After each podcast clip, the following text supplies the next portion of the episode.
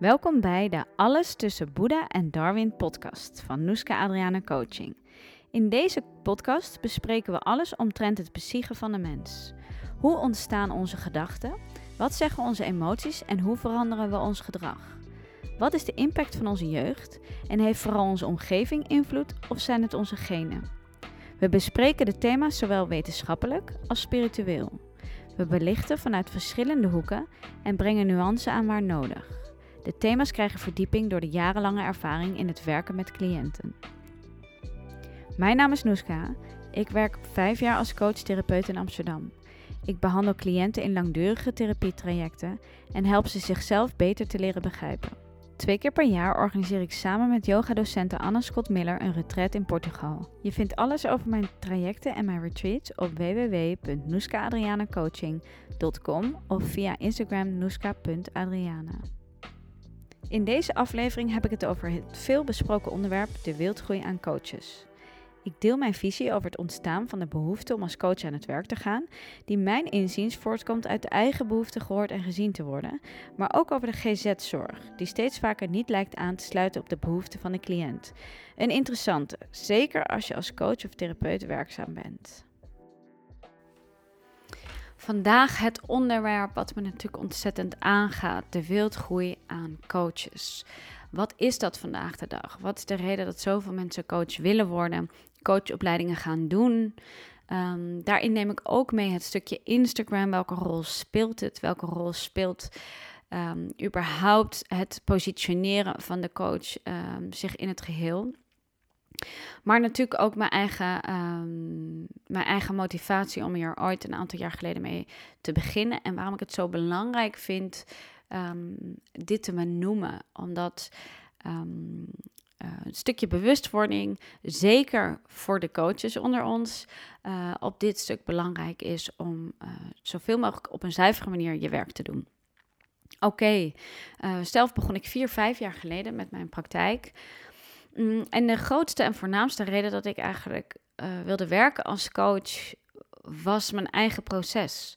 Dus het is eigenlijk een hele hè, um, egoïstische reden, of een reden die heel dicht bij mezelf ligt. Het is maar net hoe je, uh, hoe je het wil schetsen. Um, mijn interesse in mijn eigen innerlijke wereld en hoe ik nou werk en hoe hè, dingen nou kwamen zoals ze zijn. Hoe, hoe, hoe kan het dat ik hier tegenaan loop, um, hier minder moeite mee heb. Um, wat, wat speelt er zich in mijn innerlijke wereld af? Dus er was eigenlijk ontzettend interesse en nieuwsgierigheid naar mezelf, naar nog veel meer verdieping in mezelf. Um, overigens was dat niet alleen vanuit een nieuwsgierigheid, maar ook vanuit een, een noodzaak. Ik voelde me belemmerd uh, in veel zaken. Ik heb um, op mijn, rond mijn zeventiende uh, behoorlijke depressiviteit gehad. Um, daarna um, vormen van eetstoornis ontwikkeld of heel veel... eigenlijk heel veel belemmeringen gehad op het gebied van eten en uiterlijk. dus er was dan ook een hele fase in mijn leven waarin ik um, ja, helemaal niet zo gelukkig was en helemaal niet zo lekker in mijn vel zat. En uh, gelukkig waren er heel veel dingen al um, waar ik minder in mindere mate last van had, maar de interesse om te verdiepen in mezelf, die bleef. En uh, dingen komen ergens vandaan. Um, en uh, ik bleef ook nog steeds wel tegen dingen aanlopen. Dus eigenlijk is het, het, het, het coach worden in mijn optiek heel vaak iets wat we doen of waar we behoefte aan krijgen vanuit een, een, een eigen behoefte. En dat is natuurlijk best lastig, want je gaat als coach juist um, je bezighouden met een ander en het proces van een ander. Daarom is de vraag in hoeverre um, dat nou eigenlijk zuiver is. Want het is eigenlijk een eigen behoefte hè, dat we ons gaan ontwikkelen als coach. Um, dat betekent niet dat het niet beide naast elkaar kan bestaan. Maar ik zelf heb gemerkt dat ik er wel echt een, een, een eh, proces in uh, heb door moeten maken. Van het minder over mezelf laten gaan. En eigenlijk de cliënt steeds meer um, centraal stellen. Um, het gekke is dat we juist vaak beginnen aan een coachopleiding omdat we eindelijk eens onszelf centraal willen stellen. En omdat we eindelijk willen dat het eens even over ons gaat. En vaak is dat ook terecht, want ehm, het, het kan zijn dat je al heel, heel je leven heel dienstbaar bent aan een ander. En dat je merkt dat, ehm, dat het nu echt eens tijd wordt voor jezelf. Dat je je tijd en energie aan jezelf wil besteden. Dat je jezelf wat meer wil prioriseren. Ehm, dat je wat meer uh, minder plezend zou willen zijn. Ehm, dat je merkt dat er bijvoorbeeld behoefte is aan een bepaalde manier um, van opvang, van benadering, van interesse. En dat je dat niet altijd meer aan een ander wil geven, alvorens je het jezelf krijgt. Want dat is vaak zo. Hè? Bij coaches ook. We gaan een ander coachen, maar eigenlijk vanuit de behoefte dat we zo graag willen dat iemand anders ons zou coachen. Dat wij worden opgevangen. Dus als je aan mij zou vragen wat nou de oorzaak is van de wereldgroei aan coaches, dan zou ik bij dit beginnen. Er ontstaat gewoon een ontzettende behoefte aan uh, gehoord willen worden en gezien willen worden. En je kan je opleiden als coach en eigenlijk vooral daarin je eigen behoeften voorzien. En dat is nogal wat, wat ik zeg, want hè, het, eh, een van de belangrijkste dingen, en voornamelijk als, als therapeut meer, is dat je beschikbaar bent voor een ander. Um, en ergens zijn we daar als, als coaches en therapeuten juist zo goed in. Um, we hebben juist die beschikbaarheid voor een ander vaak in overmate gehad. Um, en dan gaan we een coachopleiding doen en dan gaan we ons eigenlijk opnieuw weer beschikbaar stellen voor een ander. Vaak omdat we daar natuurlijk zo goed in zijn. Echter is het zo dat het, de behoefte daaronder is dat we juist zelf voor onszelf beschikbaar worden. Dat een ander eens een keer beschikbaar is voor ons. En dat vermengen we wel heel erg in um, onze eigen coachpraktijk. En ik vind daar, um, daar is daar iets mis mee. Nou, daar is iets mis mee als, als dat onbewust is. En als je niet zelf scherp bent op, op de ruimte die je zelf inneemt. Kijk, één ding is zeker, die ruimte verdien jij ook. En of verdienen wij als coaches. En één ding is ook zeker, um, we hebben diep van binnen waarschijnlijk enorme behoefte aan die ruimte. Omdat we die onszelf weinig gegeven hebben. Of vooral weinig gekregen hebben. Uh, in de tijd van ons leven waarop we hem wel nodig hadden. In onze jeugd hebben we weinig ruimte gekregen, emotioneel. Er is weinig echt beschikbaar geweest voor ons. Uh, wij hebben misschien wel heel erg de behoefte van ouders en verzorgers moeten vervullen in plaats van dat het over onze behoeften gaat. En vervolgens worden we coach en zijn we dus opnieuw bezig met de behoeften van een ander. Echter lukt dat vaak helemaal niet. Um, omdat er onderliggend een enorme graving is, een drang naar, die, um, um, naar, die, naar dat gezien worden, gehoord worden, naar dat kunnen toelaten van die behoeften, naar dat um, ja, die behoefte kunnen uitdragen. Dus het, het gevaar soms van het, van het starten van een coachopleiding, of eigenlijk dan wel hè, een praktijk en te beginnen met cliënten, is dat er nog een, ongef, hè, een, een ongefundeerd, zou je kunnen zeggen, maar vooral ongevoede behoefte is om vooral zelf ook heel erg gehoord te worden. En dat we dat middels het coachvak kunnen uitdragen in een rol die we eigenlijk heel goed kennen, beschikbaar zijn voor de ander. Dat is in mijn optiek de grootste en voornaamste reden dat er zoveel coaches zijn. Enerzijds dus vanuit de ontwikkeling dat we eindelijk onszelf centraal willen zetten. En anderzijds dat we dat blijven doen onder de noemer van de ander centraal stellen. Want dat is hoe we het kennen en hoe we het hebben gedaan. Uh, in onze jeugd, dat is hoe we, um, hoe we geconditioneerd zijn. Um, misschien helpt daar ook wel bij uh, mijn vorige podcast, waarin ik um, het ook heb over uh, de conditionering van bepaalde gevoelens en over veilig en onveilig. En dat we eigenlijk steeds dezelfde soort situaties opzoeken als vroeger. En eigenlijk het worden van coach is eenzelfde soort situatie. Eigen behoeften bevredigen, middels beschikbaar zijn voor de ander. En dit is best wel natuurlijk wel een harde constatering. Um, ook eentje waar ik zelf 100% schuldig aan, uh, aan ben, aan was. Um, het proces is niet meer zo onbewust, maar dat betekent niet dat het er niet nog steeds is. Um, een belangrijk boek wat ik hierin heb uh, mogen lezen is het boek van Alice Miller, Het drama van het begaafde kind. Het is eigenlijk ook geschreven voor therapeuten, voor coaches. En wat ze heel erg centraal stelt, is dat je echt je eigen proces um, en vooral je eigen tekortkomingen en je eigen non-bevredigingen moet kennen. Omdat er een hele grote kans is dat je als therapeut of als coach um, die vorm van veel eisendheid en non-bevrediging eigenlijk laat terugkomen in de behandeling van je cliënten. En dat het eigenlijk lastig wordt dan om de cliënt centraal te stellen. Maar wat we doen is vaak dat we het in de dynamiek met onze cliënten of te veel over onszelf hebben.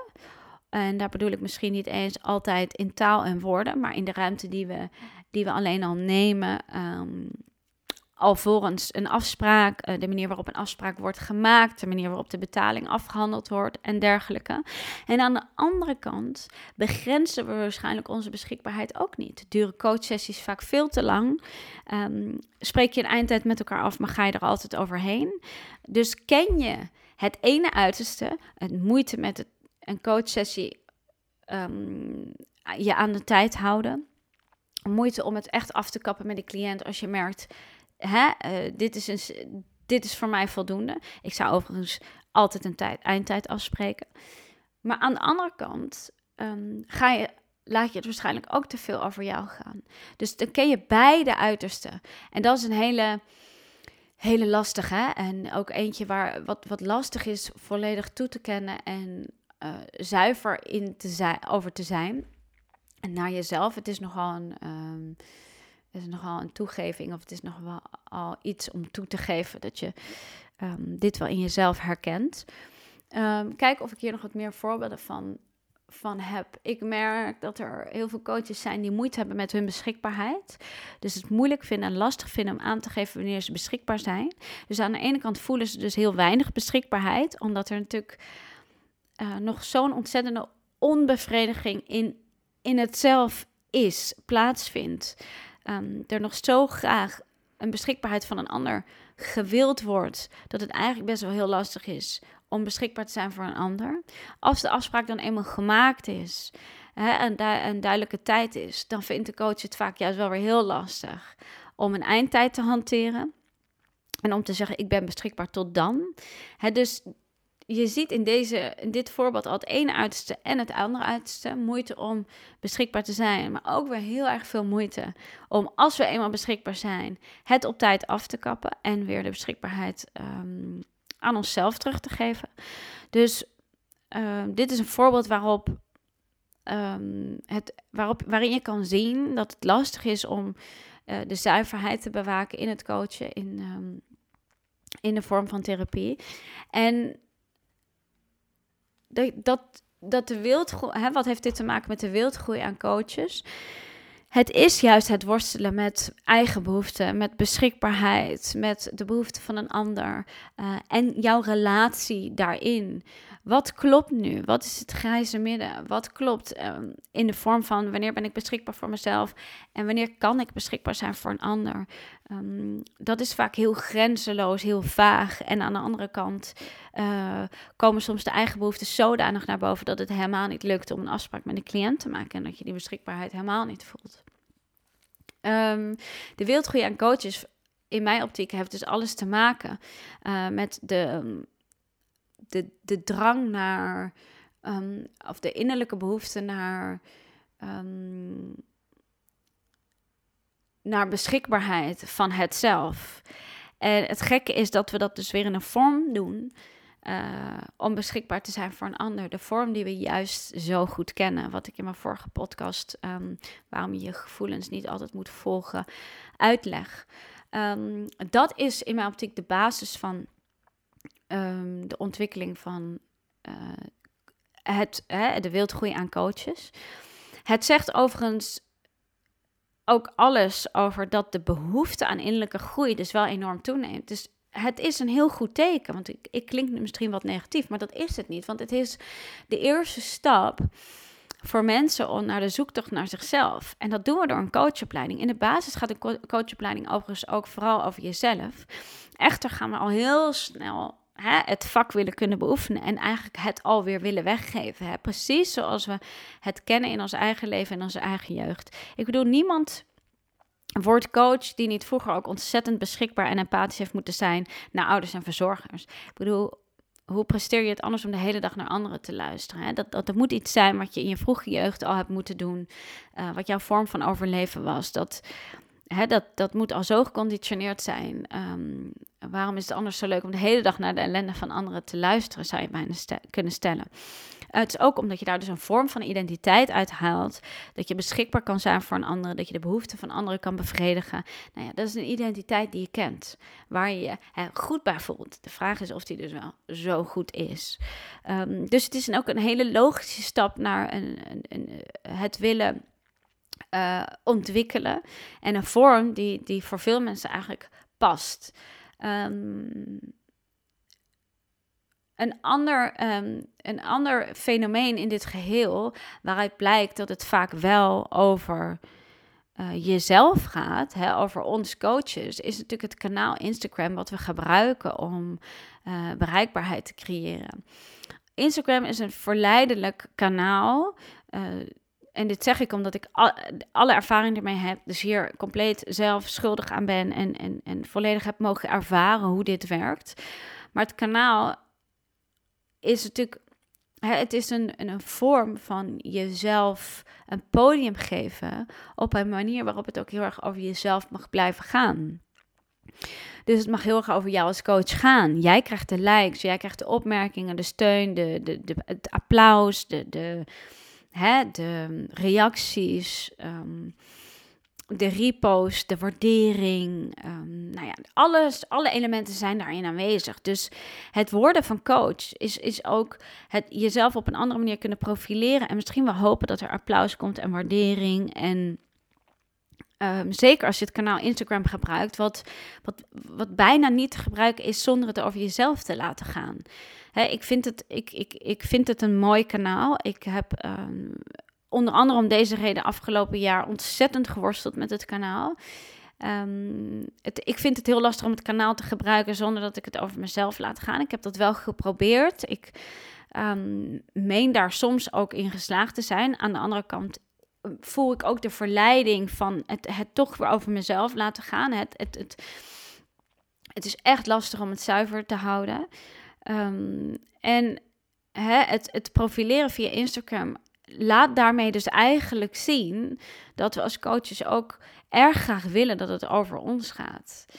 Um, en dat we het, het coach zijn nu ook kunnen gebruiken om eindelijk onze eigen innerlijke processen open te leggen. En we kunnen het coach zijn gebruiken om eindelijk um, emotioneel wat beschikbaarder voor onszelf te zijn. Of om kwetsbaarder te zijn. Of om ehm, minder het idee hebben dat we kunnen worden afgewezen als we gevoelens uiten. En onder de noemer coach mag het en kan het. En ik ben inmiddels coach, dus nu, doe, en, hè, nu hoor ik dit ook te doen. Hè. Dus we, het lijkt ook wel of we het coach zijn gebruiken om eigenlijk meer aandacht te geven aan onze eigen innerlijke wereld. En um, de angst voor afwijzing daarmee wat af te weren. En dat we het onder de noemer coach, dat het, dat het veiliger voelt om het onder die noemer te doen, onder die identiteit. En dat, dat is ook zo begrijpelijk en herkenbaar voor mezelf ook. En, um, en misschien moet het ook nog even zo. Het is alleen ook ontzettend belangrijk om het te doorzien. Um, omdat het voor heel veel mensen die echt hulp nodig hebben, wel heel verwarrend kan zijn dat het zoveel over de coach zelf gaat. Um, sterker nog, het is een heel, heel grote kans dat sommige mensen juist de coaches opzoeken bij wie het heel erg over de coach gaat. Um, omdat dat is wat ze gewend zijn uit hun jeugd. Het ging heel erg over de ouder, over de wensen en de behoeften van de ouder. En vervolgens komen ze bij een coach terecht, bij wie het eigenlijk ook heel erg over de wensen en behoeften van de coach gaat. En we denken soms bijvoorbeeld dat cliënten uh, heel graag lang door willen gaan. Maar dat willen cliënten helemaal niet, want ze hebben vaak een andere afspraak. Ze zijn vaak moe. Ehm, dus de enige reden waarom een sessie te lang doorgaat, is omdat jij als coach hem niet kan en durft af te kappen. Alleen, eh, bedoel, ben je één minuut over de tijd heen, dan gaat het al over jou. En dat, ehm, hè, dat, dat is eentje die zo belangrijk wordt als je wat verder in het vak groeit om te, om te doorzien. Maar aan de andere kant ook zo begrijpelijk, want ik heb hier ook zelf zo mee geworsteld. En het echt afkappen op de tijd dat het ook eindigt, heeft mij ook zo lang geduurd en lukt mij met sommige momenten ook nog steeds niet. Dus hè, laten we hier wel um, ook, ook zuiver in blijven van hè, wat, um, wat is ook haalbaar. Het is alleen goed om dit te doorzien in, in, in welke mate je dus als coach jezelf onbewust eigenlijk nog belangrijk maakt. En over welke behoeften gaat dat nou eigenlijk? Heb jij als coach eigenlijk jezelf al eens een tijd lang, en dan noem ik het tijd lang langdurig, een jaar, twee jaar laten coachen en ook die behoeften weten te bevredigen om zelf zo bevraagd te worden door een ander en om die aandacht te krijgen? Dat is een belangrijke.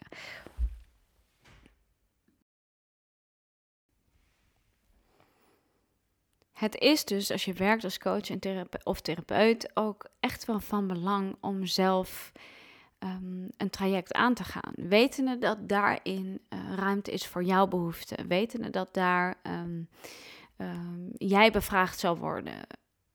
Je, de dingen die je op je hart liggen, de dingen die je dwars zitten, de emoties die spelen, dat die ruimte ergens kunnen krijgen. En op die manier hou je het een stukje zuiverder uh, in de afspraken die je hebt met je cliënten.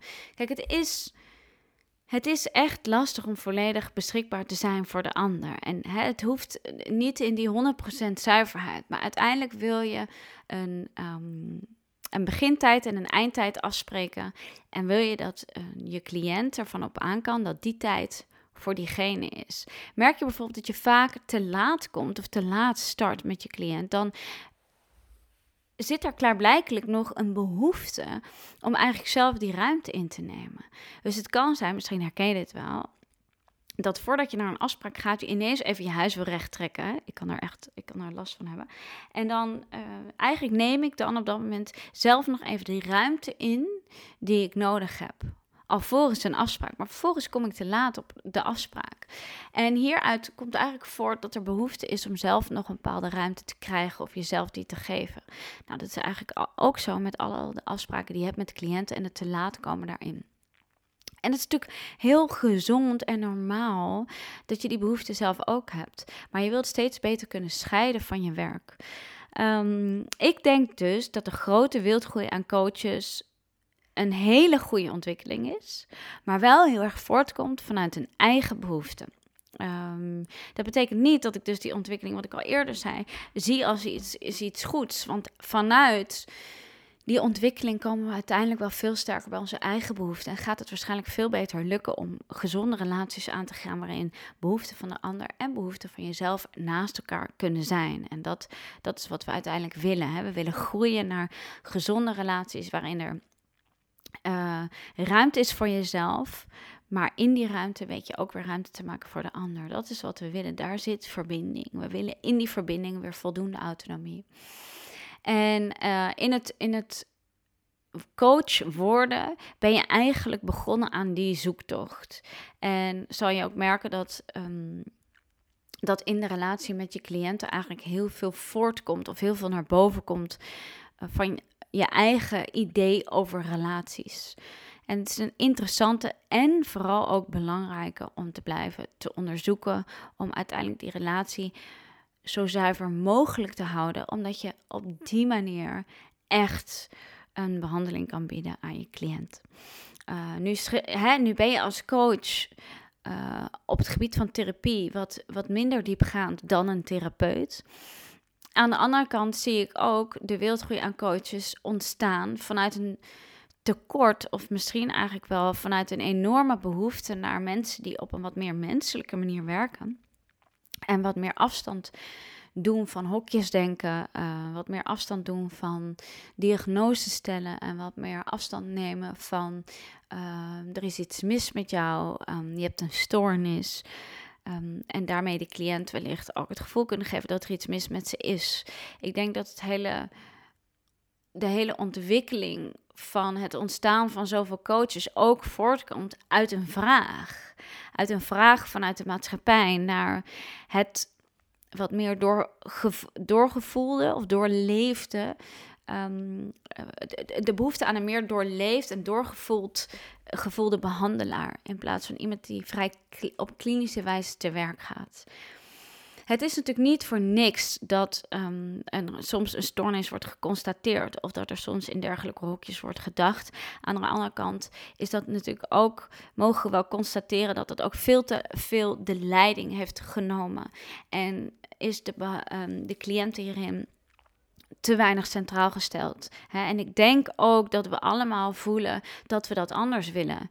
En dat we ons weinig op ons gemak hebben gevoeld bij uh, klinische psychologen of misschien wel psychiaters of misschien wel therapeuten, waarin we weinig verbinding hebben ervaren, weinig gelijkheid. En uh, dat het misschien wel ook weer hè, vanuit die behoefte. Ik zou zo graag iemand tegenover me willen die gelijkwaardig voelt, um, die op gevoelsniveau um, met mij matcht. En dat we daarom allemaal ook wel coach worden uit eigen behoeften. Dat we graag de coach die we zijn zelf tegenover ons zouden willen hebben.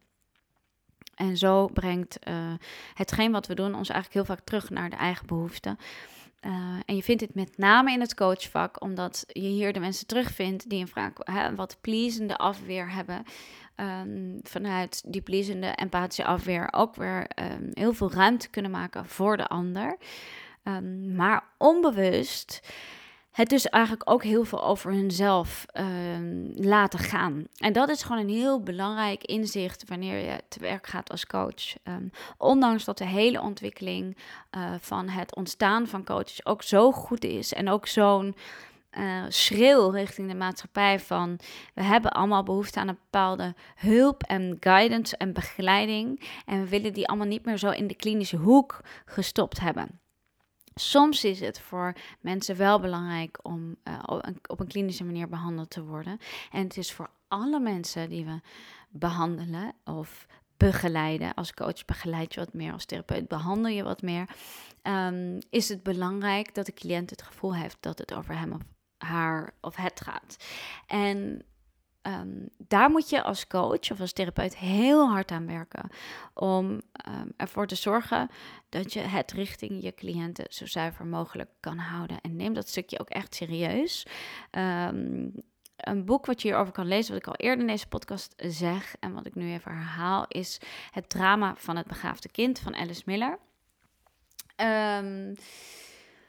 En daarin ligt het ook mooi toe. Um, het laatste stukje wat ik hierover wil zeggen is um, dat het zelf in therapie gaan als coach natuurlijk um, niet iets moet zijn wat, uh, wat vanuit een vorm van populisme uh, ontwikkeld wordt. Kijk, mij eens in therapie zijn. Ik geloof ook heel veel erg dat dat in stilte mag. Um, dat dat nou precies het traject is wat je niet zodanig hoeft uit te dragen in je eigen marketing. Los van het feit dat je natuurlijk wel een bepaalde um, kwetsbaarheid wil tonen. Ook um, via het kanaal wat je gebruikt om, om je marketing te doen. Om, omdat je wil laten zien en wil uh, tonen dat je uh, de ander, uh, in dit geval je cliënt, begrijpt. En je hoopt natuurlijk dat de cliënt daar ook op in tapt en dat je daardoor een veiligheid bent voor de cliënt. Maar vergeet niet dat, dat sommige kaders of grenzen die je geeft, zoals een begintijd en een duidelijke eindtijd, voor sommige cliënten helemaal niet zo veilig voelt, hoewel het wel veilig is. Hè, maar dat gaat eigenlijk ook wel weer over um, wat ik in mijn vorige podcast bespreek. Over wat we kennen voelt vaak als veilig en wat we niet kennen als niet. Maar dat is niet per se veilig en de indeling van veilig en onveilig. Dus ben je opgegroeid met weinig grenzen of met veel grenzeloosheid, dan kan de grenzen van de tijd bijvoorbeeld heel naar gevoel geven, omdat het niet iets is wat je kent. En je kan hier nog niet helemaal de veiligheid in voelen. Uh, maar het is wel belangrijk als coach of als therapeut dat we deze grenzen stellen. Ehm, dus neem uh, je therapie of je eigen coachtraject of je begeleiding serieus. Um, en weet ook wat je daarover deelt. Zo nu en dan wat over loslaten maakt het menselijk. Maar in je vorm van marketing wil je vooral je eigen traject gebruiken als zijnde ik begrijp jou en ik weet waar je zit. Dus probeer ook je eigen traject vooral in te zetten als, um, als iets wat ervoor zorgt dat je vooral je cliënten op diepere laag kan ontmoeten en kan begrijpen. In plaats van dat je eigen traject zo de voorgrond neemt. Ehm, en als je die behoefte juist wel hebt, maak je je traject dan belangrijk bij de mensen om je heen. Uh, bij jouw vrienden, je eigen intieme kring. En want dat is wat je uiteindelijk ook um, je cliënten wil leren. Ga delen. Ga, uh, hè, maak het belangrijk in je naaste omgeving. En het laatste stukje wil ik nog wel even ingaan op de rol van Instagram hierin. Het is dus zo dat, hè, dat, dat Instagram een kanaal is wat, wat je wel toe doet verleiden hè, om uh, jezelf en je eigen processen op de voorgrond te zetten. Het zorgt er namelijk ook voor dat mensen misschien wel juist bij jou terechtkomen en terecht willen. Um, aan de andere kant zijn die mensen misschien wel tot je aangetrokken omdat ze het gewend zijn dat het proces van iemand anders prioriteit krijgt aan dat van hunzelf. Um, er zijn heel veel cliënten die vragen hoe het gaat aan het begin van de sessie, hoe het met mij gaat. Um, en hè, wat er geleerd mag worden, is dat die vraag eh, beantwoord ik soms, maar soms ook niet. Of soms stel ik de vraag: waarom wil je dat weten? Um, of voel je je veiliger als je die vraag gesteld hebt? En dat je ze bewust gaat maken van: hé, hey, je maakt hier heel erg ruimte voor mij, maar deze sessie gaat over jou. En dat is het op Instagram ook. Hè? Um, hoe kan je je kanaal als coach of therapeut inrichten dat het wel over je, je cliënten blijft gaan? Ondanks dat je zelf ook wel ontzettend de behoefte voelt om gezien en gehoord te worden. En waarom zou je dat misschien niet meer kunnen uitdragen in je intieme omgeving? Het is gewoon iets waar je mee mag spelen. Want het mag op Instagram ook echt wel eens over jou gaan. En dat zal, dat, dat zal ehm, in mijn teksten net zo goed zo zijn. Maar het is wel een fenomeen waar we bewust van mogen worden.